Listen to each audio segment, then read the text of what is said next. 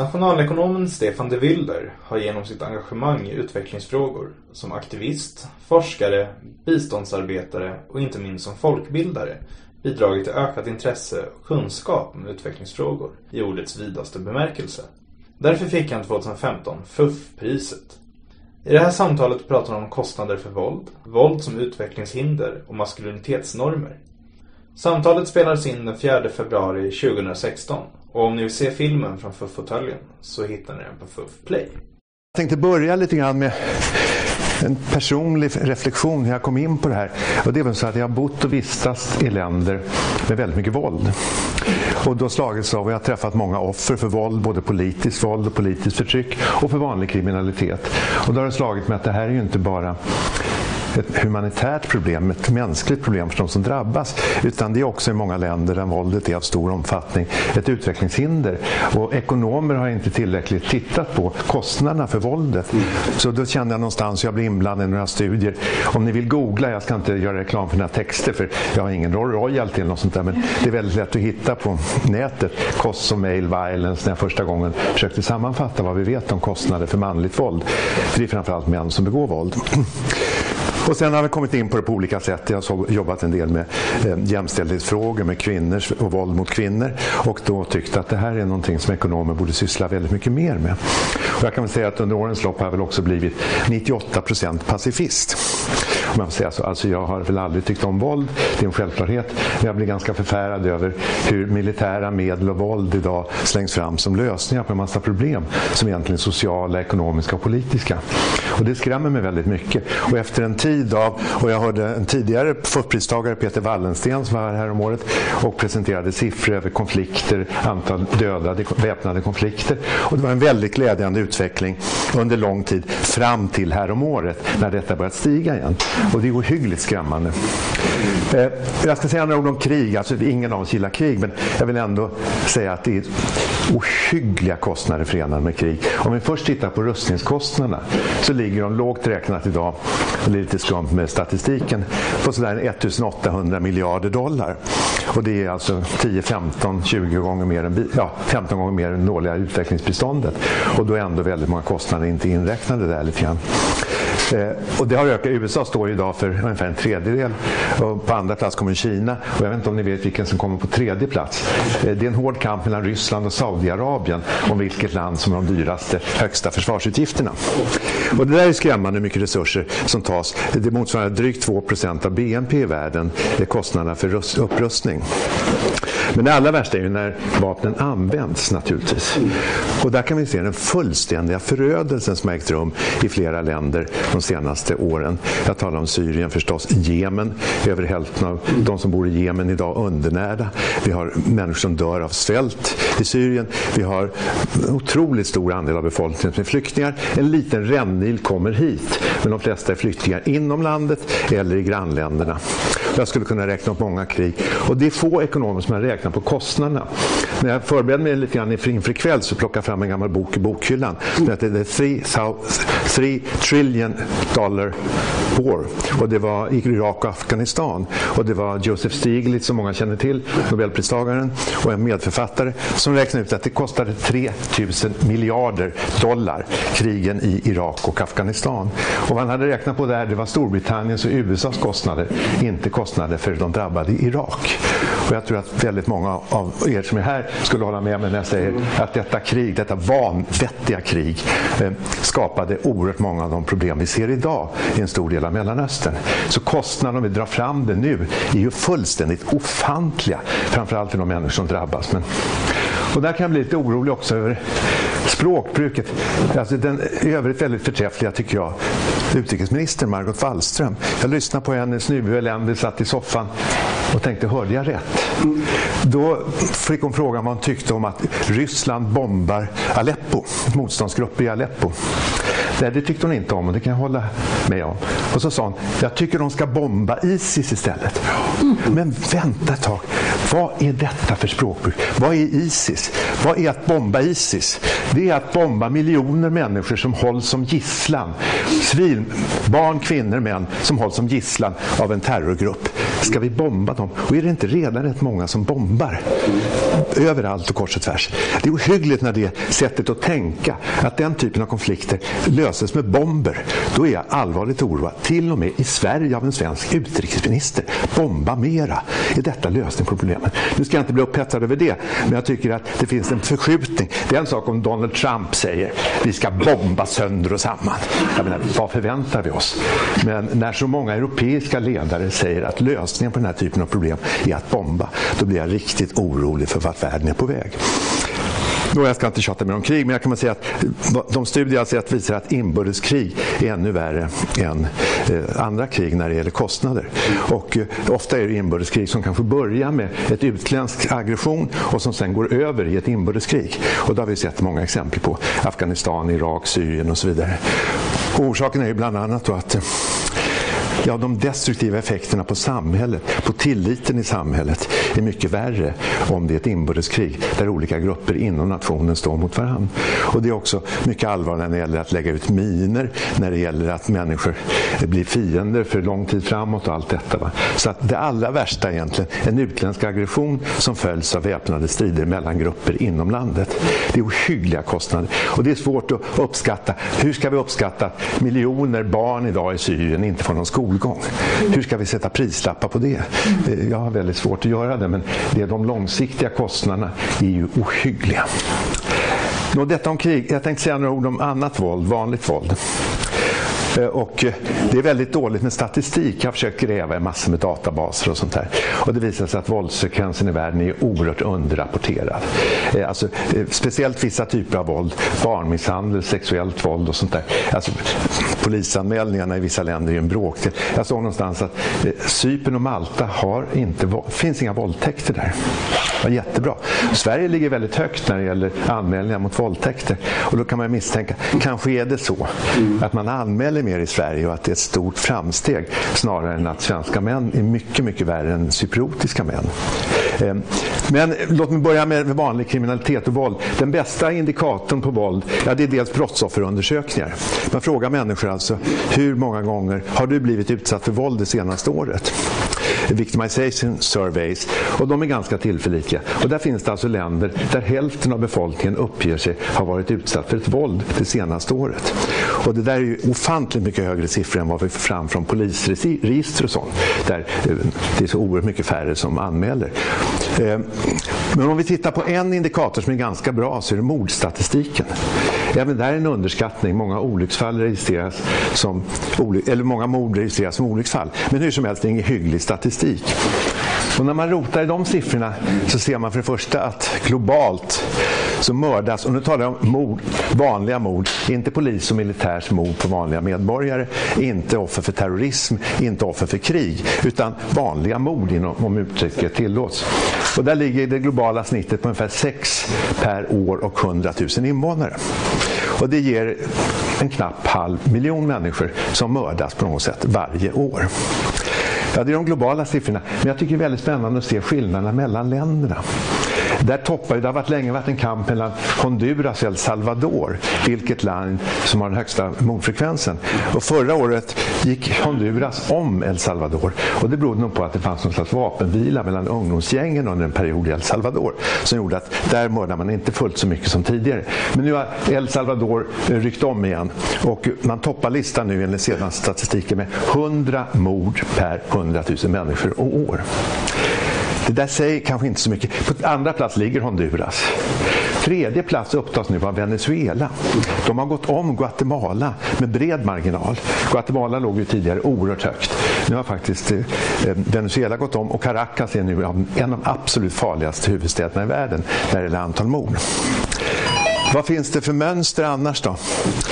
Ja, det finns ju massor med spännande saker man kan hitta i den här statistiken. En är ju att de flesta som begår mord är män. Kanske 90-95 procent. Men det är också väldigt många fler män som mördas. Det är farligt att vara man. Mm. Män är farliga men det är också farligt att vara man. Eh, ungefär 3 till 1 förhållande mellan män som mördas och kvinnor som mördas. Och allra farligast är ju att vara en ung man mellan 18 och 30. Eller med 15 och, mellan 15 och 25. Det är den absolut farligaste åldern.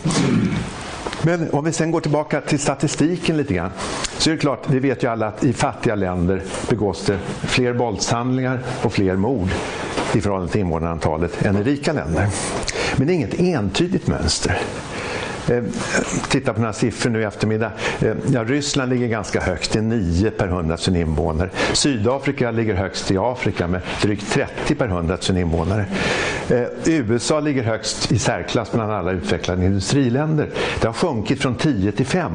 Och det är intressant i och för sig. Mordfrekvensen har gått ner. Men i alla fall, USA leder där. Eh, hej.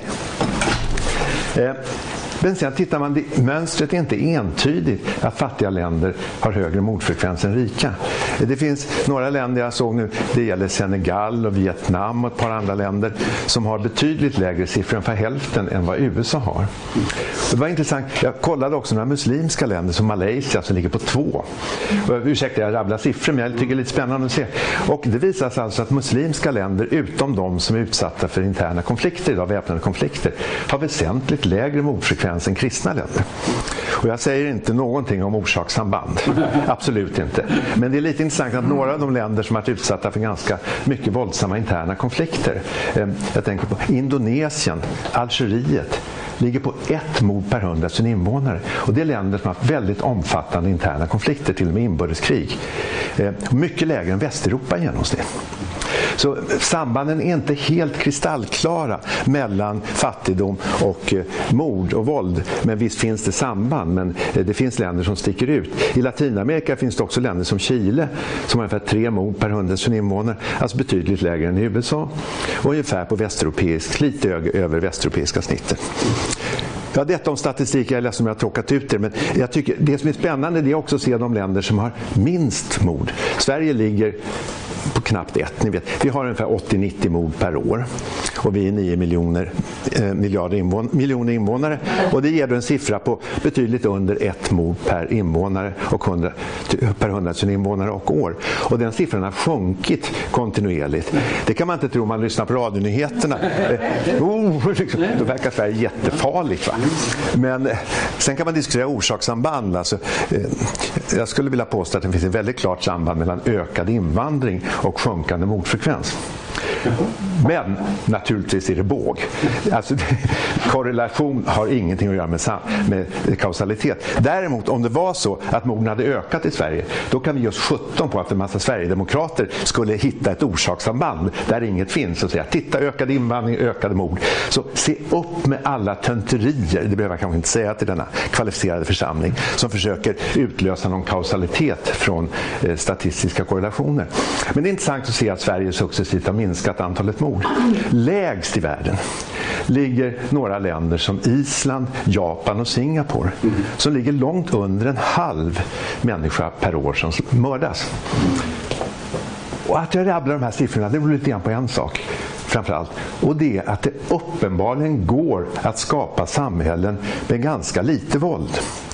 Några samhällen har lyckats med detta.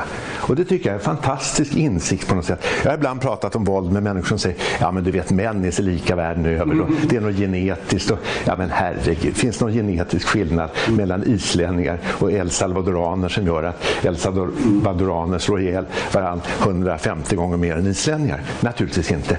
Det gäller att skapa samhällen där man minimerar våldet. Får jag berätta en anekdot? Mm. Ja, nej, alltså jag har flera anekdoter från Guatemala, jag ska bara ta en. Och det var en gång för tiotal år sedan, jag var i Guatemala och jag blev ombedd att hålla ett föredrag om Sveriges utveckling från fattigt jordbruksland till ett av världens rikaste industriländer. Och jag drar mig lite grann för att berätta om Sverige i fattiga länder.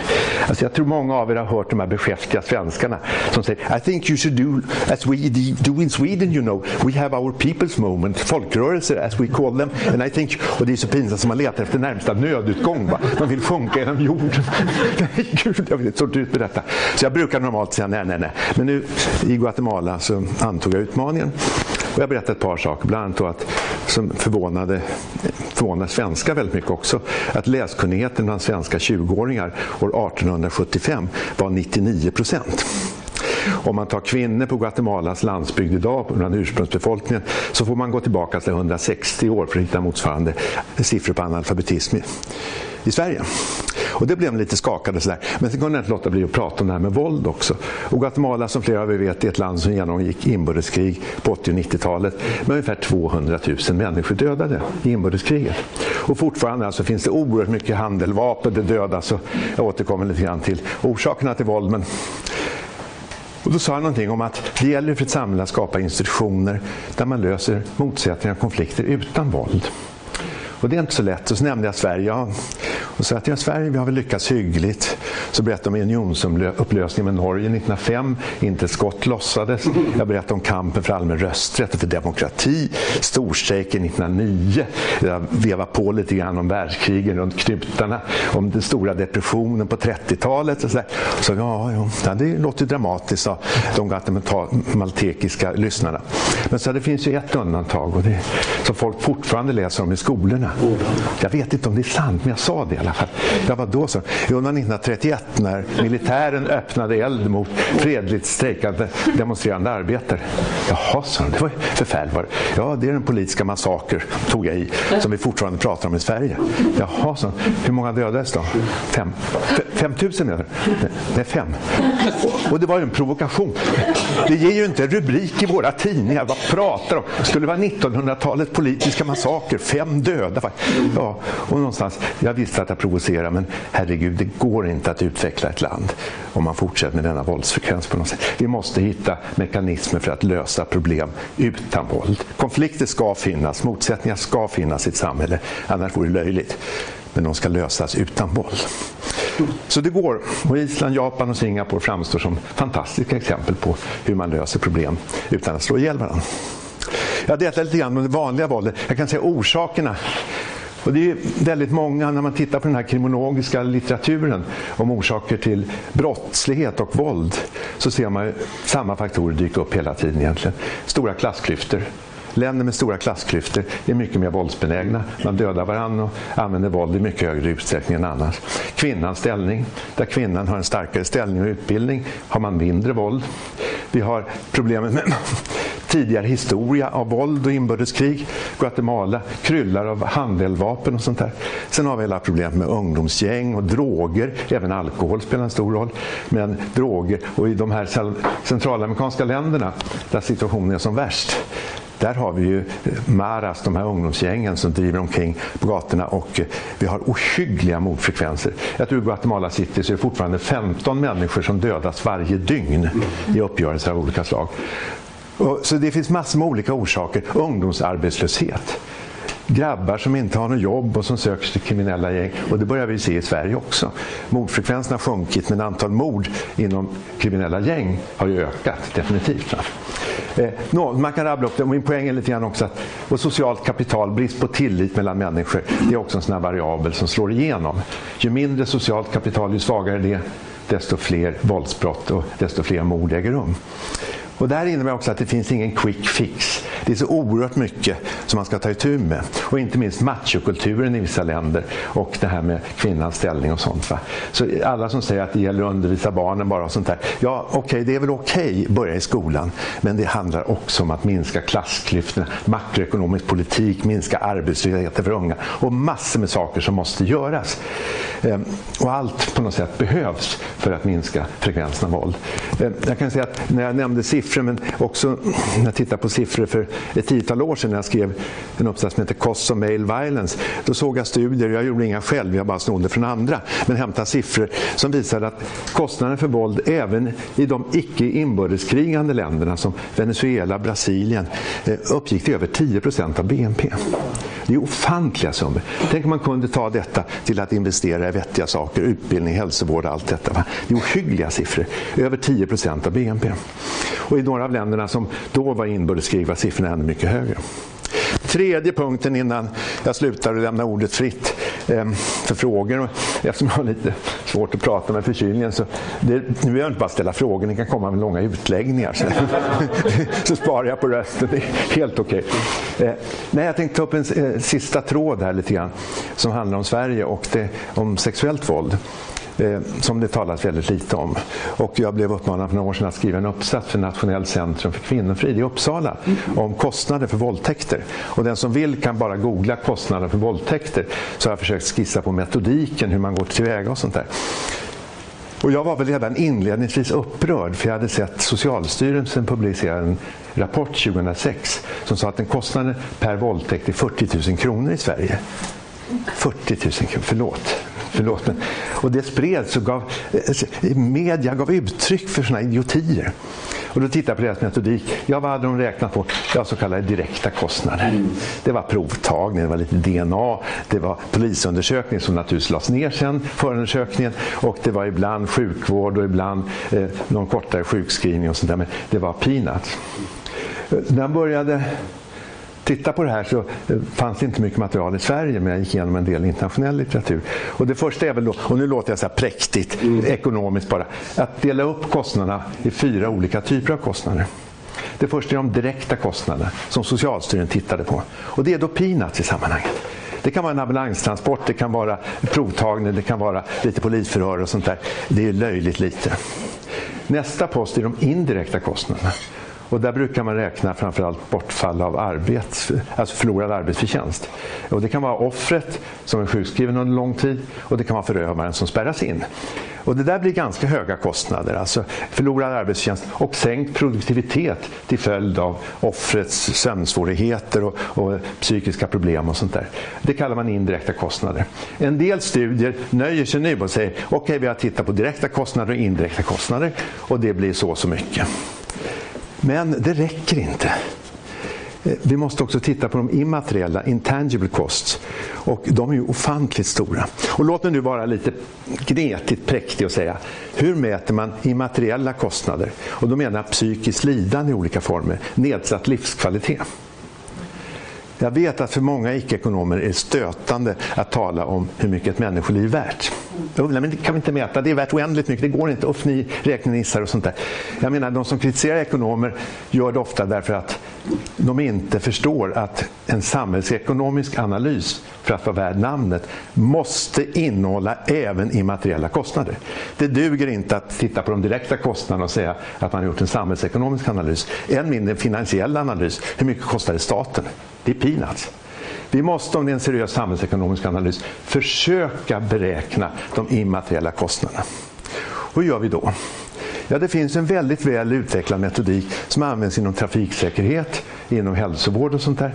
Där man faktiskt för att göra prioriteringar tittar lite grann på kostnaden för ett människoliv, ett förlorat människoår.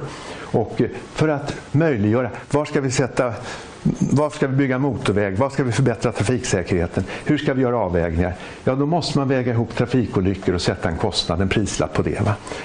Sjukvården, där man gör det ibland, ibland inte, men i alla fall. Och det finns den här metodiken där man skattar människors livskvalitet. Quayle heter det, Quality Adjusted Life Years. Och det är helt subjektivt. Man frågar människor som har olika typer av fysiska och psykiska problem. Eh, hur skattar du vad kan du göra? Och det är massor med olika eh, indikatorer. Kan du gå? Kan du stå? Kan du sköta din hygien? Kan du eh, hantera vardagliga affärer? Kan du gå till och handla? Kan du eh, och så vidare. Va? Är man rullstolsbunden har man, eller har man svåra psykiska problem. Och då utgår man från att siffran 1 visar ett år med fullgott, eh, fullgod livskvalitet. Hur mycket är ett liv värt då? Ja, enligt Trafiksäkerhetsverket och andra är ett svenskt människoliv värt 24 miljoner. Det kan diskuteras, men i alla fall. Eh, alltså poängen är att vi kan liksom tycka att vissa siffror är lite löjliga, men om vi inte redovisar dem så vet vi inte vad vi ska kritisera. Eh, no, och Det innebär att varje levnadsår, om vi lever i genomsnitt 80 år, är värt 30 000, 300 000 kronor. Så om vi tittar på trafiksäkerhet, och sånt där, hur sparar vi människor med fullgod livskvalitet? Ja, det värdet är 300 000. Och jag är ganska övertygad om att den typen av kalkyler, som för en del icke-ekonomer kan framstå som cyniska nästan, hur kan du räkna på det? är väldigt bra, därför att det skulle förmodligen visa att vi lägger ner för lite resurser på förebyggande insatser och för mycket på saker som kommer i efterhand. Jag tror det finns väldigt många områden där enkla kalkyler visar att förebygga förlusten av ett människoliv på det sättet är mycket bättre än att komma in i efterhand. Och så där. Nå, då har vi alltså en metodik, ett människoliv värt 300 000 per år. Eh, och så har man då alla de här indikatorerna, subjektiva, på nedsatt livskvalitet. Och, då får folk, och det är alltså tusentals och åter tusentals människor som själva har skattat hur de bedömer nedsatt livskvalitet. Och då har man gjort tabeller på detta. Och en sak som slog mig när jag gick igenom den här litteraturen, det var en liten aha-upplevelse. Det visade sig att de som hade nedsatt psykisk hälsa som led av depressioner och sånt där, satte oerhört mycket lägre siffror på sin livskvalitet än de som hade, var rullstolsbundna till exempel. Och jag tyckte det var viktigt därför att jag tror att i allmänhet är det så att människor som inte har funktionshinder överskattar kostnaderna för vissa synliga fysiska funktionshinder. Och stackarn sitter i rullstol eller blind eller döv. Ja, det är för jävligt. Men det har ingenting mot nedsatt psykisk livskvalitet. Ångest, depressioner får oerhört låga tal. Så att man kan säga att om man lider av svår depression och ångest så kommer man ner kanske till en femtedel av ett år med fullgod livskvalitet. Det är alltså väldigt mycket dyrare. Om man då tittar på sexualbrott, som jag tittar på speciellt, så visar det sig också att de psykiska långvariga effekterna är ofantligt mycket större om, än till exempel om man blir nedslagen i en krokö och får ett antal revben spruckna. Eller något sånt där. När man mäter folk som har råkat ut för den typen av misshandel så visar ja, de sätter ner livskvaliteten lite grann i en månad eller några veckor men så åt, sen går det över. Och det är ingen stor deal. Va? Så istället för 1 så kan man få 0,95 eller 98 under en kort period. Helt annan sak med offer för sexuella övergrepp. Det visar sig att de sätter ner sin livskvalitet mycket, mycket längre och mycket allvarligare än de som har varit utsatta för så att säga, vanlig misshandel. Och det är sånt som gör mig så fruktansvärt upprörd när jag ser siffrorna på 40 000 och sånt där. Och jag gjorde då inför den här studien, fick jag fyra typfall. Alltså väldigt detaljerade beskrivningar av kvinnor som råkat ut för sexuella övergrepp. Eh, anonymiserade förstås, men oerhört detaljerat med kostnader. Allt från transport, eh, ambulanstransport till DNA-prov till eh, terapi efteråt och till förlorad arbetsförtjänst och så vidare. Va? Och, eh, jag minns de fyra fallen som finns redovisade i den här skriften. Eh, de var, det billigaste var drygt en miljon i kostnader, samhällsekonomiska kostnader. Och det dyraste var 12 miljoner lite drygt. Det är alltså oerhört mycket högre än för de flesta andra våldsbrott. Och orsaken är ju framförallt då den nedsatta livskvaliteten, psykiska problem, posttraumatiskt stresssyndrom och allt sånt där.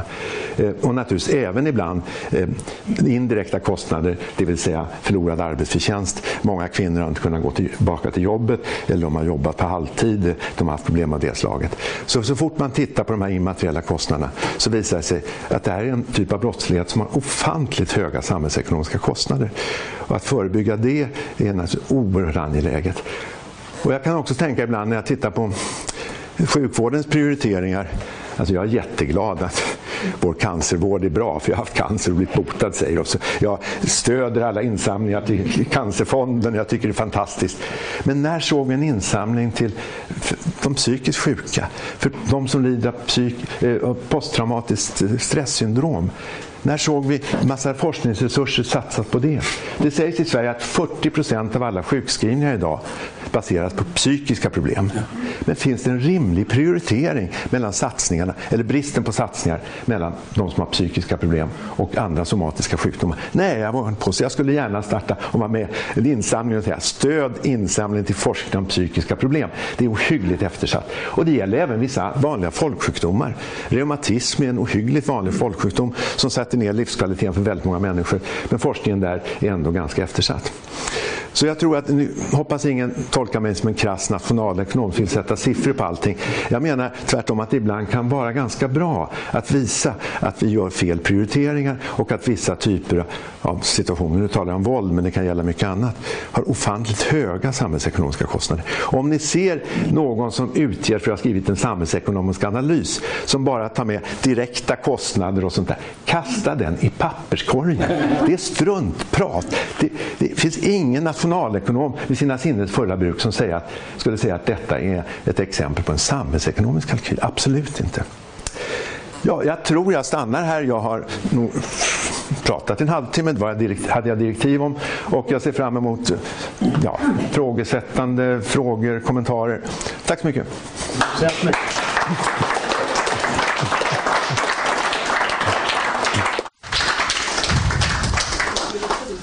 Stort tack Stefan. Eh, ja, då så. Jag, eh, jag vet inte om jag är lika liberal som du när det gäller långa utläggningar. Men, eh, men frågor, kommentarer och mindre utläggningar kan vi också acceptera. Vem vill börja? Ja, det är Stefans syster. Jag känner, jag känner. Du ska få prata Du ska få prata i micken eftersom eh, annars hör inte de som vi streamar till. Okej. Okay. Jo, alltså det är inte bara det direkta offret som är, drabbat och, och gärningsmannen utan det är ju släkterna som är, får en person närstående mördad så vet vi alla att det påverkar. Nej, det är inte meningen att du ska höra. Alltså, den, alltså, jag kan prata så här då, så hör du bättre. För att mikrofonen är tydligen för det här. Det är inte meningen att jag ska liksom, ja, jag ska ändå prata i den. Men i alla fall, alltså de anhöriga då. Hur har du räknat på det då, Stefan? Jag hade faktiskt tänkt säga I, I mitt papper så skriver jag att det är jättesvårt, ännu svårare, att diskutera hur barnen till eh, brottsoffer och förövare drabbas och anhöriga, hur det sprids som koncentriska cirklar eh, psykiskt och eh, eh, eh, brist på välbefinnande. Så det är jätteviktigt. Och jag har inte sett någon som har försökt uppskatta det hela, men väldigt många pratar om i alla fall, som har gjort den här studien, att barnen drabbas oerhört. Men även anhöriga till förövare är ju på något sätt brottsoffer om man så vill. De drabbas i alla fall väldigt hårt. Och dessutom, om jag får lägga till då, så är det ju också alla vi egentligen när vi läser om brott så drabbas vi indirekt. Alla vi som kanske inte vågar gå ut och, och läser om brott, att det är farligt, det ena och det andra, det tredje och fjärde. Och vi varnar våra barn och så. Det är också en kostnad egentligen i brist på välbefinnande. Ja, det var det. Får jag bara tillägga, absolut, jag håller helt med. Jag har i pappret också en diskussion om långsiktiga multiplikatoreffekter, alltså spridningseffekter. Där jag också tar upp i fattiga länder problemen med brain drain, välutbildade flyttar utomlands, utländska investerare drar sig för att investera i länder med omfattande våldsbrottslighet. Vi har kapitalflykt, vi har den typen av problem eh, som på lång sikt skapar en negativ cirkel. Man undviker det här landet och skickar ungarna utomlands och sånt där. Men även i Sverige, jag nämnde för ett tag sedan också i ett annat sammanhang Hagamannen, hur det påverkade kvinnor i hela Umeå som inte ville gå ut ensamma och sånt där. Och spridningseffekterna av den typen av händelser sträcker sig långt utöver till och med de anhöriga. Och vi som har levt, och det är många av oss som har levt och bott i länder med omfattande våldsbrottslighet, vet ju också hur det påverkar hela vårt liv på något sätt. Mm. Man blir stridsmart, man kollar, man går inte ut ensam ut på kvällen. Man, och kvinnorna inte minst, de går inte på kvällskurser, skulle aldrig falla dem in. De, alltså det har väldiga spridningseffekter. Bara rädslan för våld skapar en negativ spiral som är oerhört destruktiv i vissa fall. Så tack Birgitta, jag håller helt med. Eh, om jag får ta tillfället att själv eh, komma med en kommentar till eh, det du nämnde om hur man ska beräkna kostnader egentligen och sånt här och hur cyniskt den kan verka.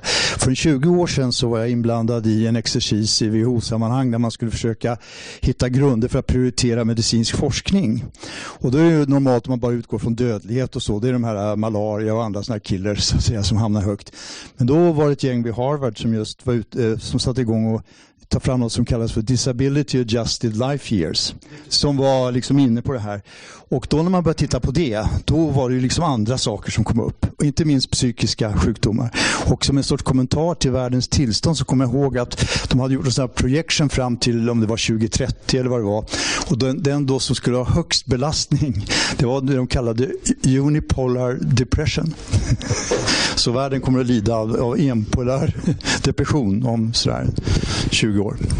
När det gäller psykiska problem också. Den här 3 miljarder, triljoner, 3 biljoner dollar-skriften. Det tar ju upp en dold kostnad som många inte tänkt på. Den ofantliga överrepresentationen av krigsveteraner i brottsstatistik, självmordsstatistik, misshandelsstatistik. Oerhört många faller ut från arbetsmarknaden och bärs illa åt mot sina nära. Alltså det är ohyggliga. Och det, när man tittar på de här siffrorna som de redovisar Eh, Eh, så är det ofantliga siffror för att ta hand om krigsveteraner. Och mycket siffror som är dolda därför att många krigsveteraner helt enkelt kan inte jobba. De kommer hem och, alltså, det är svindlande skador på dem som är förövare, om jag kallar angriparna förövare. Mm. Inte bara offer. Det, det, ja. Eh, ytterligare någon som vill? Ja.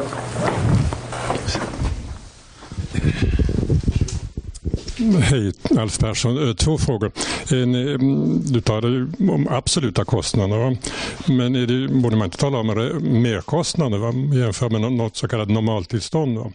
det är en metodisk fråga. Den andra är, finns det några intäkter? Benefits? Jag menar, vi hade ju Världsbanken för 20 år sedan som tyckte att det fanns positiva aspekter på korruption, va? vilket de har övergivit. Så kan du kommentera på det? Jag menar, det är ett fenomen som fortsätter. Någon måste ju vinna på att våld finns. Ja, det sista frågan korruption. Jag kunde också nämnt en av, av de faktorer som påverkar det hela väldigt mycket så är det graden av korruption i samhället. Och jag, Pierre Fryling som några av er känner skulle kommit hit ikväll men han fick förhinder. Han har skrivit mycket om korruption inom Guatemalas och Centralamerikas rättsväsende. Jag tror att det är en procent av mördarna i Guatemala som ställs inför domstol. Alltså, så korruption inom polis och domstol är en fruktansvärt bidragande orsak. Du frågar om positiva effekter. Alltså, när jag talar om kostnader för våld så menar jag jämförelsen är ett samhälle utan våld. En individ som drabbas av våld jag jämför med om denna individ inte hade drabbats av våld. Och det. Men visst finns det inkomster. Jag faktiskt läste för ett tag sedan om Karl Marx som har en underbar beskrivning. Ni kan googla på det, man hittar på nätet. Eh, och då skriver han så här, alltså betraktelse över brottslighetens ekonomiska spridningseffekter. Man börjar med att säga en bagare bakar bröd, och så där, a criminal produces crime. Och så beskriver han hur denna brottslighet då, eh, ger jobb åt domstolar, polis, fängelser och allt sånt där.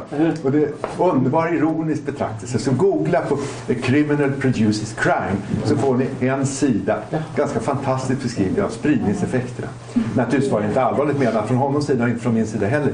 Men det är klart, i vissa länder som USA så är en väldigt stor del av fängelserna privata som vi vet. Och det har också skapat en enormt stark lobbygrupp till förmån för långa straff och hårda straff. Det är fängelseindustrin som väldigt mycket ligger bakom detta. Och det finns ju i England också. Jag tror Pia, du har tittat på den privata fängelseindustrin i Storbritannien. Och det är ohyggligt alltså. Ja, en stor industri. Ja, jätte. Åtminstone för, för ett eh, decennium sedan, eller två kanske, så var eh, fängelseindustrin den största arbetsgivaren efter General Motors i USA. Efter vad? Efter? Idag misstänker jag att man gått om igen. Eh, Lennart, tror jag. På eh, samma eh, eller liknande tema. Jag tror det var Paul Collier som skrev för några år sedan om eh, lite grann varför pågick konflikter, titta främst på inbördeskrig tror jag, så länge. Vilka var det som tjänade på det? Och det fanns alltså oerhört starka intressen, vare sig det var vapenleverantörer eller andra. Ehm, det kan vara intressant om du kunde säga någonting eh, mer om det. Ehm, min, min andra fråga är, du nämnde El Salvador, Honduras, Guatemala och Venezuela. Ehm, vad är förklaringen till att fyra länder i nästan samma region är de mest våldsamma?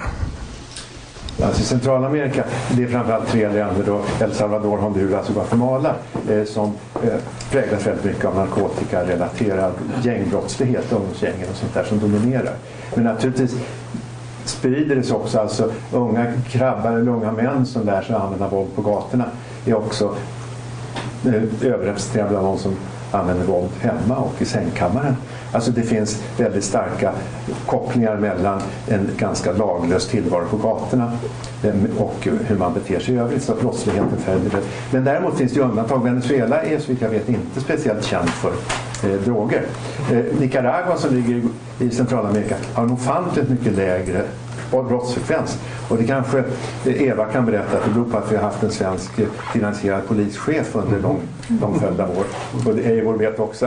Eh, nej, men alltså det, det, det, man ska inte förenkla allt för mycket. Det finns komplicerade samband. Men det att Nicaragua ligger så mycket lägre än grannländerna är intressant och fordrar många förklaringar. De har också haft ett inbördeskrig. Massor med vapen i omlopp. Men ändå så dödar de varandra mycket mindre än i grannländerna. Eh, sen den andra frågan det handlade om... Collier och de som tjänar på... Alltså det finns ju väldigt mycket studier som visar att det är jättefarligt att ha rika naturtillgångar. Och det har även han skrivit om många andra. Eh, the resource, Natural Resource Curse.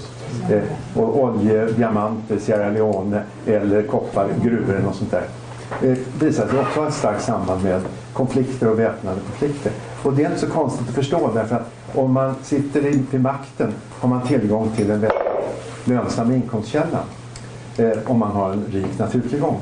Men däremot om man ska kräva in skatter från hela befolkningen för att finansiera den offentliga sektorn så tenderar vi att få högre grad av accountability. Medborgarna som finansierar staten vill veta vad pengarna används till och vi har en mycket jämnare fördelning av statens utgifter också. Mindre korruption.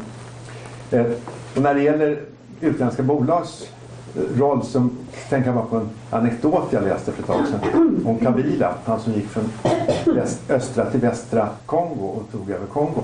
Och en journalist frågade honom, men hur kunde det gå så snabbt och enkelt? Och så här, ja, sen, jag behövde 10 000 dollar och en mobiltelefon. Jaha, förklara. Ja, 10 000 dollar, de var så fattiga så de kunde man rekrytera för nästan ingenting. Så för 10 000 dollar fick jag ihop en hygglig, ett hyggligt startkapital för en armé. Jaha, och mobiltelefonen? Ja, men den använder jag, den använder jag för att göra, göra upp kontrakt med utländska gruvbolag.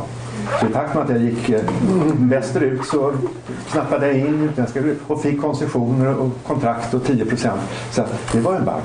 Mobiltelefonen 10 000 dollar räckte här för att ta makten om man skulle finansiera. Eh, eh, så att, jag kan ju inga detaljer men alltså anekdoten evidence plus analyser som Paul Colliers visar att det är en oerhört farlig kombination rika naturtillgångar, utländska företag som mutar de makthavande. Och att skifta makten innebär att skifta av enorma förmögenheter. Det är busfarligt. Kan du utveckla varför Nicaragua inte har så hög brottslighet? Jag skulle gärna vilja bolla över till två tidigare ambassadörer i Nicaragua. Ja, gör det då. Alltså, min, min idé bakom detta är framförallt alltså att man efter, efter efter att sandinisterna kastade ut Somoza så hade, så hade de den goda smaken att eh, göra en helt, helt, helt ny polis. Alltså man byggde upp en ny polisstyrka på bas, på bas av den folkliga mobiliseringen mot Somoza, vilket gjorde att man fick en poliskår som skilde sig helt och hållet från poliskåren i de andra länderna där, som i princip var före detta, de som hade varit med och krigat och på, på, på motståndarsidan, på så att säga, makthavarnas sida. Så jag tror att man fick från början en, en poliskår som hade en helt annan grundläggande karaktär helt enkelt. Alltså, och, eh, som, som jag tyckte att, jag var ju där innan Eva då, så att, eh, och att det märkliga är ju att detta på något sätt har ändå kunnat leva kvar, även om det ju finns mycket rykten om att det har blivit sämre. Men alltså, på grund av detta har man sen då haft den goda smaken att be om internationellt bistånd för att konsolidera och bygga upp en civilt fungerande, hygglig polis och där Sverige har haft ett samarbete med Sverige som har varit väldigt, väldigt lyckosamt. Så att, men det är ju nästan mirakulöst att man har kunnat hålla det så pass som man har gjort. Men Eva som har varit där efter mig, hon kan säkert peka på att jag också har Eh, nej, men delar den historiebeskrivning som Eivor har och det har betytt mycket att man byggde upp en ny polis och militär eh, kraft i, i Nicaragua. Men eh, ett eh, problem är ju att man ser ju, det kanske inte avsätts i statistiken ännu, men det finns ju tecken på korruption som ökar inom polismakten idag i Nicaragua och allt mer så att säga direkt lierad med den politiska makten på ett farligt sätt. Att inte så att säga på samma sätt representera eh, folkliga krafterna eller de, hela folket så att säga. Men eh, jag ville komma in på en ytterligare fråga för vi pratade om det här med fängelserna som en väldigt lönsam affär. Men en annan lönsam och fruktansvärt ökande sektor är ju försäkrings och säkerhetsbranschen. Och eh, jag har sett någon siffra tidigare på El Salvador tror jag är 20 procent eller något sånt där av landets eh, industrier och, och produktion så att säga som ligger där. Att det genererar sådana enorma inkomster för människor att skydda sig. Och jag har inte sett någon siffra på Sverige idag. Men där måste det ju också vara en kolossal ökning av de kostnaderna. Tänker bara på nu när man, om man besöker riksdag eller UD och så vidare alla de säkerhetskontroller som krävs idag, de är inte gratis. Så det är ju så att säga en ytterligare aspekt på en sektor som faktiskt tjänar på detta och som man borde se mer så att säga sammanhangen där. Våldets sam Ja. The criminal produces crime och titta på alla spridningseffekter så hade han haft väldigt underbara illustrationsmöjligheter idag. 嗯。谢谢你们 Ja, um, Stefan, jag har en käpphäst som jag alltid brukar ta fram och det är ju intäkterna för våld då. Och det är Sveriges vapenhandel som vi så sällan pratar om och det är inte bara Sverige, jag menar, men Sverige ligger ju per capita väldigt högt och vi är ju med indirekt och finansierar Daesh då, eller hjälper Daesh um, genom att vi har sålt vapen till Saudiarabien och så. Och det var väldigt svårt att, att stoppa den där. Sen vi, la, vi drog ner på våran, vårat försvar så har man nu istället ökat på vapenexporten. Och jag tycker att, att det är viktigt när man pratar om kostnader i olika sammanhang. Då det är att skulle vi kunna lägga om vår industri att man tillverkar någonting annat än det som dödar människor? Ja, jag tror du vet vad jag svarar. Eh, det är ju inte så att vi har avbrutit vapenförsäljning till Saudiarabien för att vapenfabriken lades ner. Nej. Vi fortsätter att exportera vapen till Saudiarabien och till väldigt många andra diktaturer. Och, eh, jag menar, fick jag bestämma skulle vi inte göra det, men nu får inte jag det. Mm, och inte du heller. Nej, jag vet. Jag tänkte på pengarna där. Ja, det är ofantliga pengar. Och ekonomi. Ja, ofantliga pengar, visst. visst. Okej, sen gick ordet till dig. Eftersom jag sitter längst bak. Eh, jätteintressant att lyssna på dig. Jag har egentligen två frågor. Eh, hoppas du kan svara på båda. Det ena är att det är jätteintressant hur man tittar på olika typer av samhällsekonomiska kostnader och man faktiskt tar hänsyn till sådana kostnader som kanske inte är direkta eller inte ens indirekta. Och jag själv läser på Stockholm Resilience Center, en masterutbildning och där börjar vi prata om just värdet av ekosystemtjänster och naturen och det vi egentligen får helt gratis. Och det blir ju ett helt annat ramverk när man lägger fram det för politiker att så här mycket är det faktiskt ekonomiskt värt eh, om man skulle ersätta det med teknologi. Men jag undrar, eh, och det, det är ju viktigt, men jag undrar Finns det någon slags idé om att sätta någon typ av värdering kring vilka intäkter och kostnader vi faktiskt vill ha baserat på moraliska bedömningar till exempel. Vi kanske inte vill ha en tillväxt inom fängelseindustri eller psykiatrisk sjukvård även om det är bra att folk söker vård men kanske ja, fin, finns det någon slags eh, forskning kring det hur man kan etablera någon slags signalsystem och att det här är en grön Eh, ekonomisk tillväxt, bra kostnader, bra intäkter eller inte bra. Eh, och min andra fråga har lite mer med eh, just våld och i Sverige att göra. Där du pratar om att, att det är viktigt att börja i skolan. Men också vilka brister det finns med det. Det är liksom ett, också ett makroekonomisk fråga. Men vad tycker du man ska göra som idag i Sverige när en person som är 15-16 år, ung kille, sexuellt antastar en kvinna offentligt eller hemma eller begår eh, brott på det här sättet och får sex månaders samhällstjänst. Vad ger det för slags signaler mot våra unga och folk idag? Och vad kan vi göra mer för att direkt jobba med det? För jag som ung kvinna vill ju inte vänta till nästa generation tills det kommer någon slags värderingssystem. Vi måste, det måste ju hela tiden arbetas dagligen i samhället för att jag imorgon ska kunna gå ut och känna mig trygg. Vad, vad har du för förslag där? Hur man kan prata om de frågorna? Du får svara på Jag kunde svara på båda. Jag kan nog inte svara på någon. Eh, alltså, eh, det där övergår min kompetens som nationalekonom att säga vad man ska göra. Men, eh, alltså det, jag tycker det låter ovanligt att man får sex månaders samhällstjänst. Räcker det med det? Ja, för det är nog ett väldigt hårt straff för sexuellt ofredande. Ja, ja, de flesta läggs ju ner och det händer ingenting eller något tillsägelse. Det, och det tycker jag är lite upprörande. Men riktigt vad man ska göra, det, det vet jag faktiskt inte. Men jag antar att man måste börja tidigt. Och det handlar ju om värderingar Inga könsroller, mansrollen och allt detta. Va, som, eh, och där är jag en amatör så jag har inga bra svar. Eh, nej, jag kan inte svara, bara säga att det är jätteviktigt att man börjar tidigt och gärna redan på dagis. Och, självklart, men sen handlar det också om att skapa miljöer. Och jag har sett eh, stadsplanerare och andra som säger att det gäller också att skapa miljöer som inte uppmuntrar till någon form av våld, inte minst sexuellt våld. Upplysta kulvertar och eh, se till att, och, och så vidare, den typen av insatser. Och sen tror jag också att, att det, det viktiga mot ungdomsbrottslighet är att ge ungdomarna vettiga alternativ, alltså få ner ungdomsarbetslösheten. Och även, jag har sett bostadssegregationen är ju ett enormt problem också i det här sammanhanget. Därför att den har ökat dramatiskt på senare decennier. Och eh, där finns det ju också, om vi tittar på svenska studier, eh, eh, ung med tung eh, Ja, det finns en bok som jag läste av en sociolog för några år sedan, Ung med tung belastning eller något sånt där. Som då räknade upp sex, sju olika faktorer som var väldigt vanliga bland de ungdomar som blev kriminella. Och där tillhörde bostadsområdet, grannar, andra kompisar en väldigt viktig förklaringsfaktor. Förutom naturligtvis föräldrasituation och den typen av grejer. När det gäller den första frågan, alltså det finns en ofantlig litteratur om det du tar upp nu. Om miljöfrågor, hur man räknar på tillväxt på ett annat sätt, grön tillväxt och sånt där.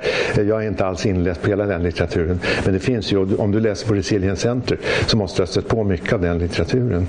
Men jag, jag passar nu för det finns andra som kan det där bättre. Men jag kan väl säga också när det gäller krig och sånt där att är det någon miljökatastrof som vi inte talar så mycket om så är det det som krig ger upphov till. Och det är ohyggliga skador på miljön. Allt från vatten och avlopp och alla, till eh, sån här utarmat uran och den typen av saker som användes i forna Jugoslavien i bombningarna som ger upphov till långsiktiga cancerskador och genetiska skador. Och det finns enorma miljökatastrofer i militärindustrins härjningar så att säga, och krig. Eh, så det är jätteviktiga frågor. Hoppas du fortsätter på Resilience Center för det är otroligt viktigt.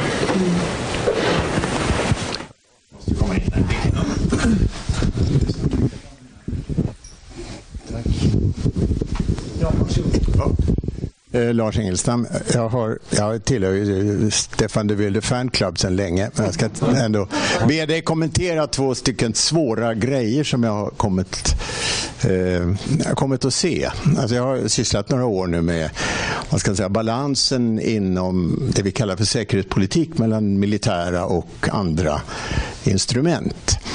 Så jag, jag, jag, försökte då skaffa mig en liten överblick över hur man har eh, då ekonomiskt utvärderat våld, våldsanvändning och så. Och mitt intryck där var att det faktiskt har, har litteraturen, den seriösa litteraturen, inte minst från Världsbanken och från oberoende forskningsinstitut, så har faktiskt vuxit ganska bra sedan 2008, 2009 någonting. Jag hittade ganska mycket litteratur. Så det var intressant om du kommenterar liksom forskningsläget. Det är inte en sån upphetsande fråga, men den är ganska viktig tror jag. Eh, den andra frågan handlar, du nämnde ju förebyggande flera gånger här. Va? Tar man förebyggande på andra områden som man ska borsta tänderna och sånt, va? så är vi ganska klara, vi har kommit eh, ganska långt på det. Och eh, förstår att det är mycket billigare att förebygga än att inte göra det. Och på miljövårdsområdet likadant. Va? Men när det gäller krig och, och, militära rustningar så har vi inte kommit speciellt långt. Då. Jag tror de flesta av oss vet att Sverige hade en ganska ambitiös satsning som tror jag Anna Lind eh, initierade eh, strax innan hon gick bort. Och, eh, den kom av sig sen av sådana skäl som vi inte behöver gå in på.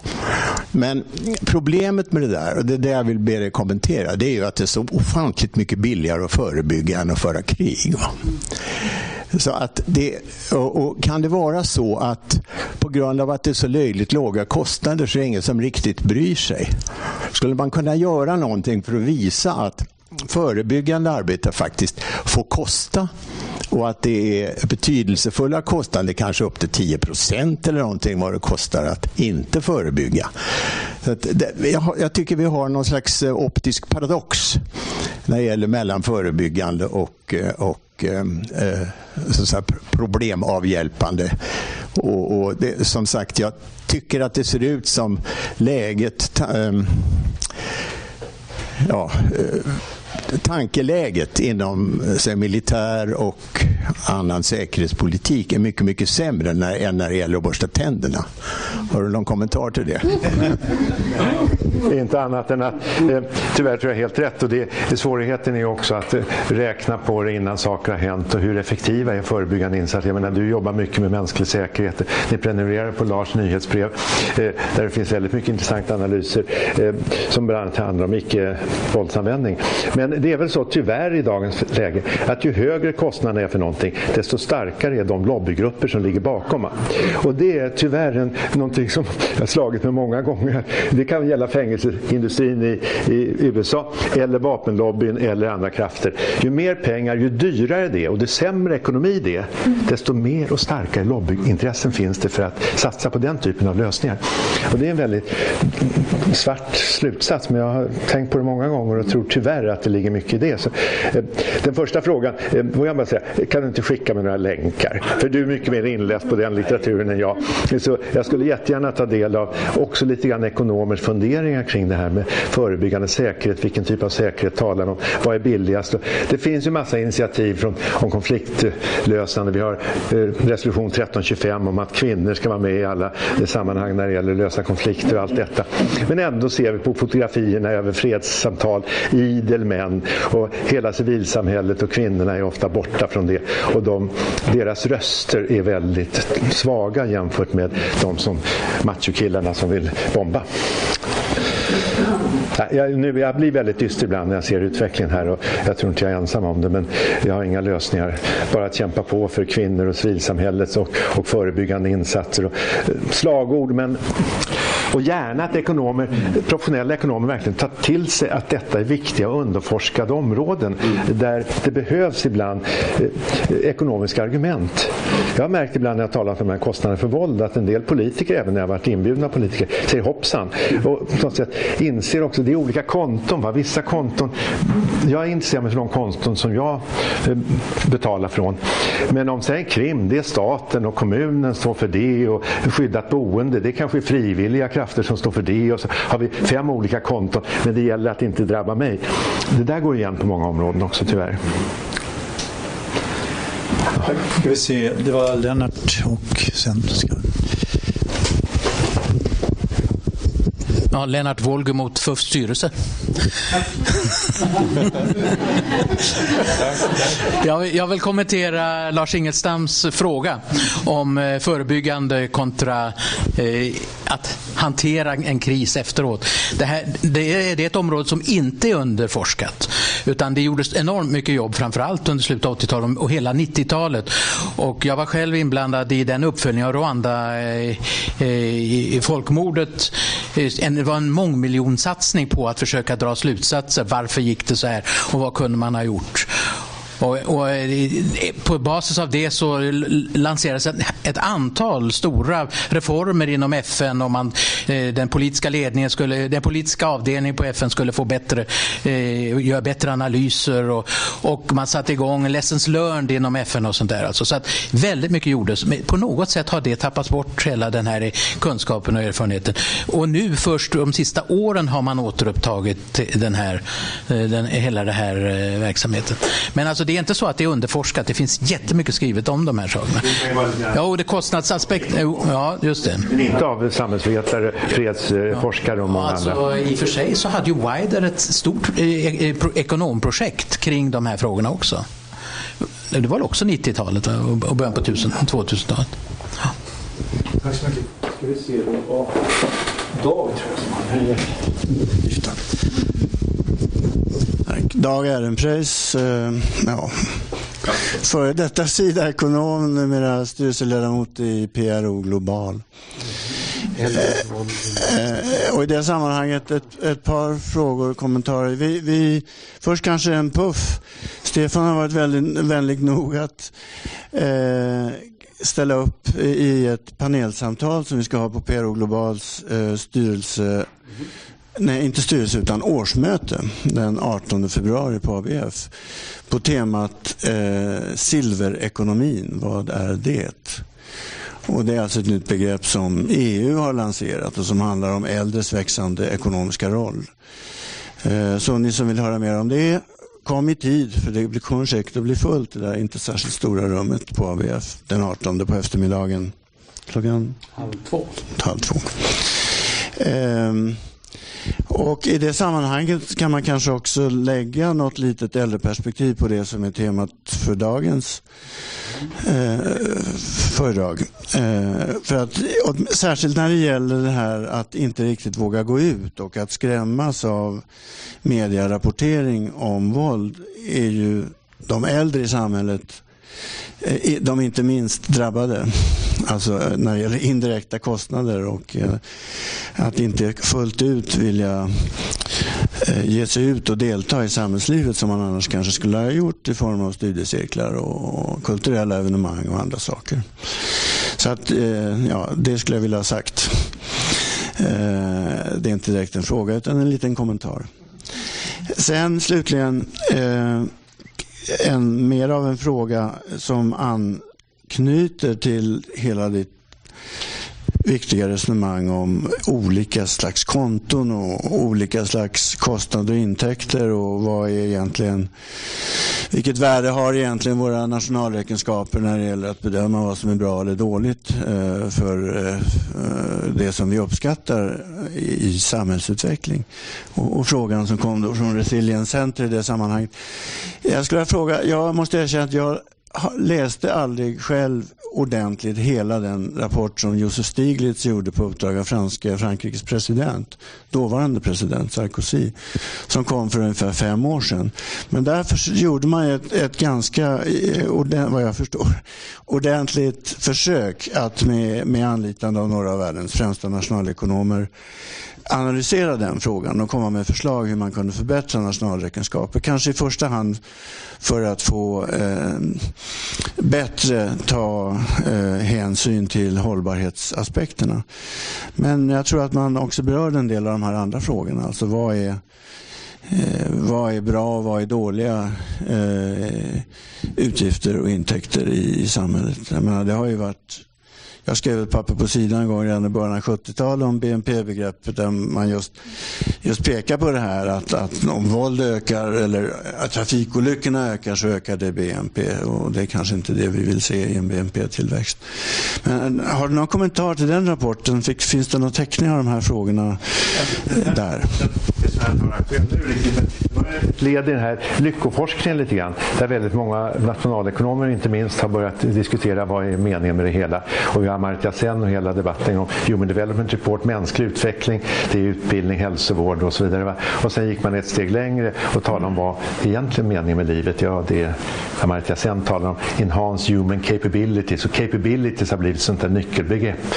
Men sen också lycka. Och det finns ju många som har hittat samband mellan lycka och BNP per capita upp till en viss nivå. Sen försvagas sambandet. Jag menar, I Sverige så är vi väl nu 3,5 gånger rikare än på 50-talet.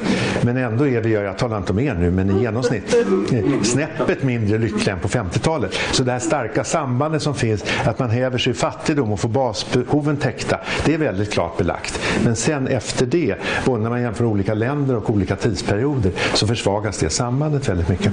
När det gäller, jag, jag kan inte kommentera riktigt Stiglitz, jag vet att de skulle titta just på olika sätt att mäta välbefinnande. Och där har Bhutan gått i spetsen för ett Human Happiness Index där de försöker sälja Bhutan som turistland genom att säga att vi är världens lyckligaste land. Det där får man ta med en nypa salt. Men när det gäller BNP, jag måste säga att jag tillhör väl de som är lite skeptisk mot att eh, slänga in för mycket i BNP-begreppet. Jag har ofta träffat miljövänner och andra som säger, ja jag vill också miljövänner, men som säger, ja men vi måste väl ändå, BNP måste väl ändå innehålla något mått på miljöförstöring och sådär. Nej men vänta ett tag, vänta ett tag. BNP har aldrig utgett sig för att vara ett mått på människors välfärd. Ingen ekonom skulle säga att detta är ett bra mått på välfärd. Det mäter summan av varor och tjänster som produceras under ett år. Det används för konjunkturanalys, mer eller mindre bra. Och som sådan är det utmärkt. Men för guds skull, kom inte att tro att detta är ett mått på lycka eller välfärd. Och så fort vi börjar liksom kladda ner lite grann BNP-begreppet och göra det snällt och gulligt och grönt och sådär, då har vi missat lite poängen med att BNP är icke och har aldrig varit ett mått på lycka. Och det är mycket bättre tycker jag att hålla det som ett mått på konjunkturutvecklingen. Och sen ha helt andra diskussioner om det som vi tycker är viktigt. Som inte är kanske ökad materiell konsumtion och allt detta. Va? Men det är bara en liten reservation. Alltså, självklart ska vi... Jag tror att idag är det politiker snarare än nationalekonomer som använder BNP. Och tyvärr har det gått en väldig hets i att tävla med olika länder. Och 2,1 procent, 1,9 procent. Den här regeringen är oduglig. Vi sjunker i välfärdsligan och sådana bullshit. Eh, men som sagt, vi ska vara lite försiktiga med att lura någon att tro att bara vi snyggar till BNP-måttet med lite mått på miljö och lite snälla saker så blir det bra. Det är och förblir ett dåligt mått på sådana saker men ett ganska bra mått på konjunkturfrågor. Så vi ska inte, liksom, tycker jag, blanda ihop det för mycket. Det var en liten reservation. När det gäller silverekonomi, ja, jag åtog mig svagt ögonblick. Ja. ja, men det, alltså, jag har tänkt på det ibland. Men eh, sen jag stoppade in i en plastmapp det här och tänkte vad faran vet jag om det? Det här med äldres ekonomi. Men jag läste den här rapporten från EU-kommissionen och det visar ju då, och det kan väl glädja många av oss som är här, att vi äldre blir mer och mer uppskattade som konsumenter. Vi är ute efter, ute efter upplevelser och lyxresor och fint och spavistelser och, och sånt där. Va? Och det är verkligen en nisch som näringslivet ska satsa på, de äldre. Eh, men det finns väl annat att säga om äldres situation än att vi är konsumenter av vissa mer eller mindre exklusiva varor. Och där har jag väl några funderingar som jag inte har tänkt igenom. Så jag har några veckor på mig. Ja, det har du. Ja, två, veckor. okay. det, det roliga med att tacka ja till en sån här kalkonuppdrag, att prata om saker som man inte kan, det är ju att man tvingas försöka tänka igenom och hitta material om saker som man inte kan ett dugg om. Eh, så det var därför jag tackade ja till utmaningen. Det kommer nog gå bra tror jag.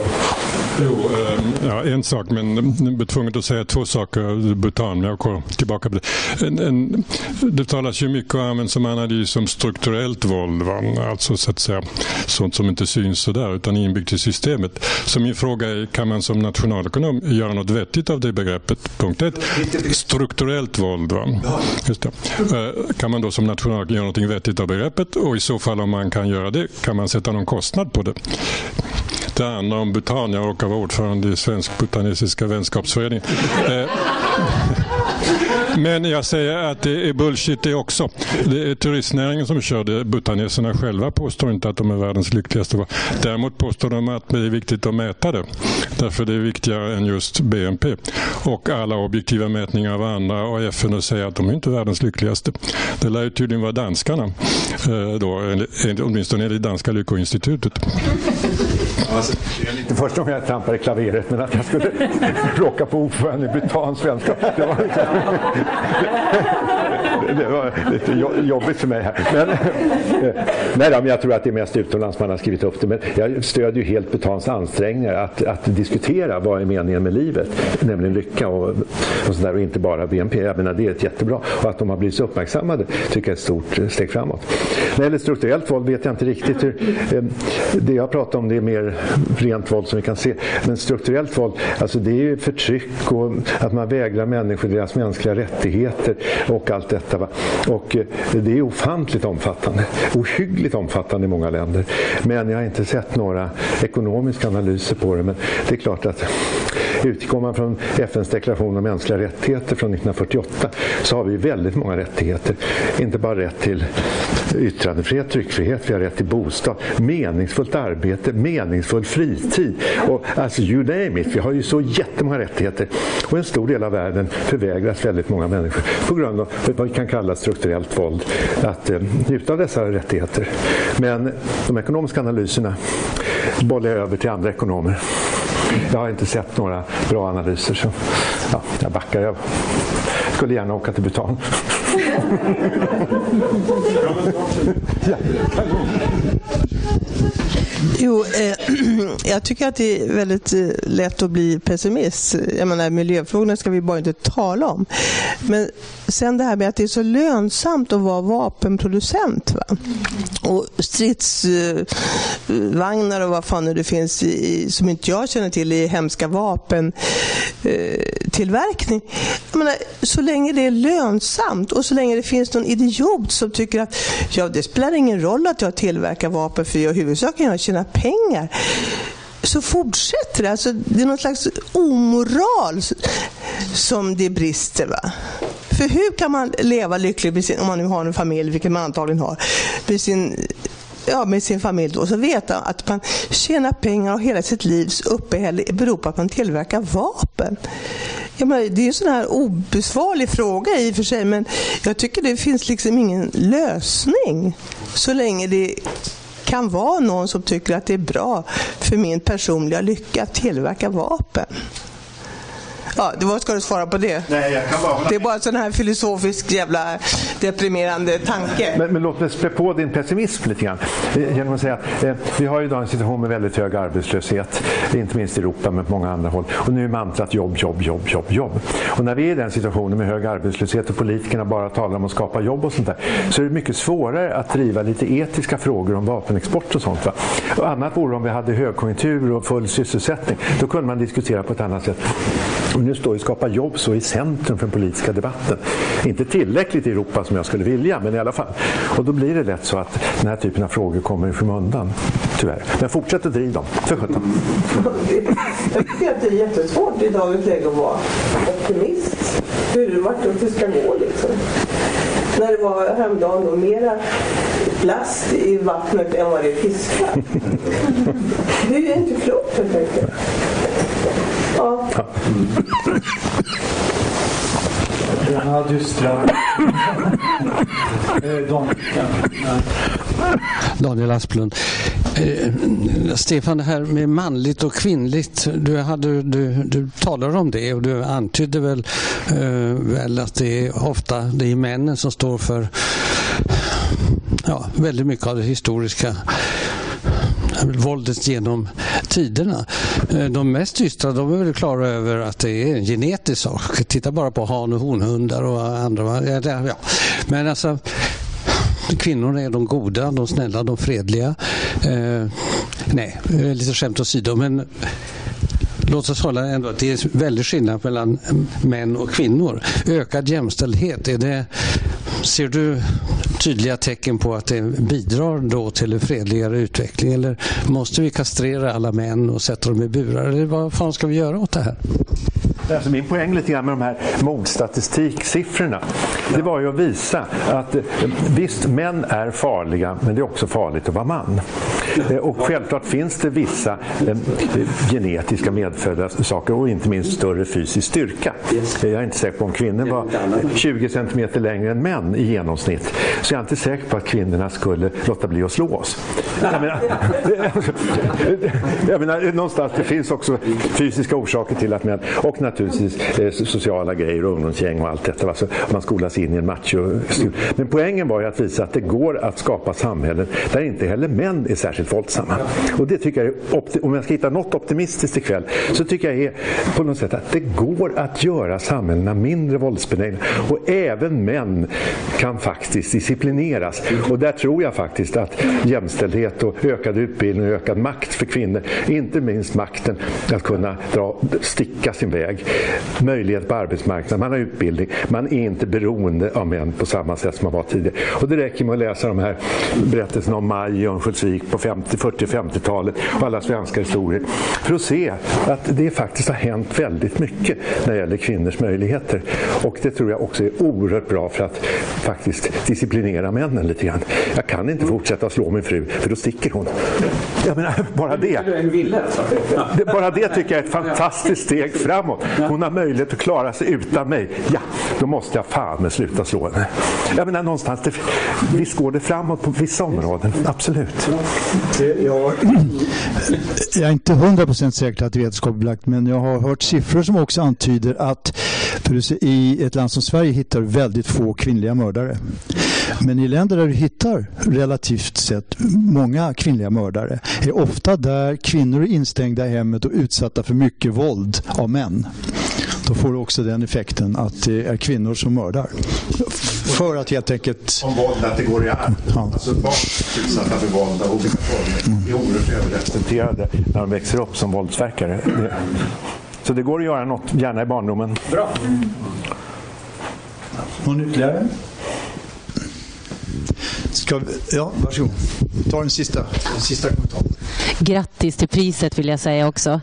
Eh, jag heter Karin Olofsson och jag är generalsekreterare på en organisation som heter Parlamentarikerforum för små och lätta vapenfrågor.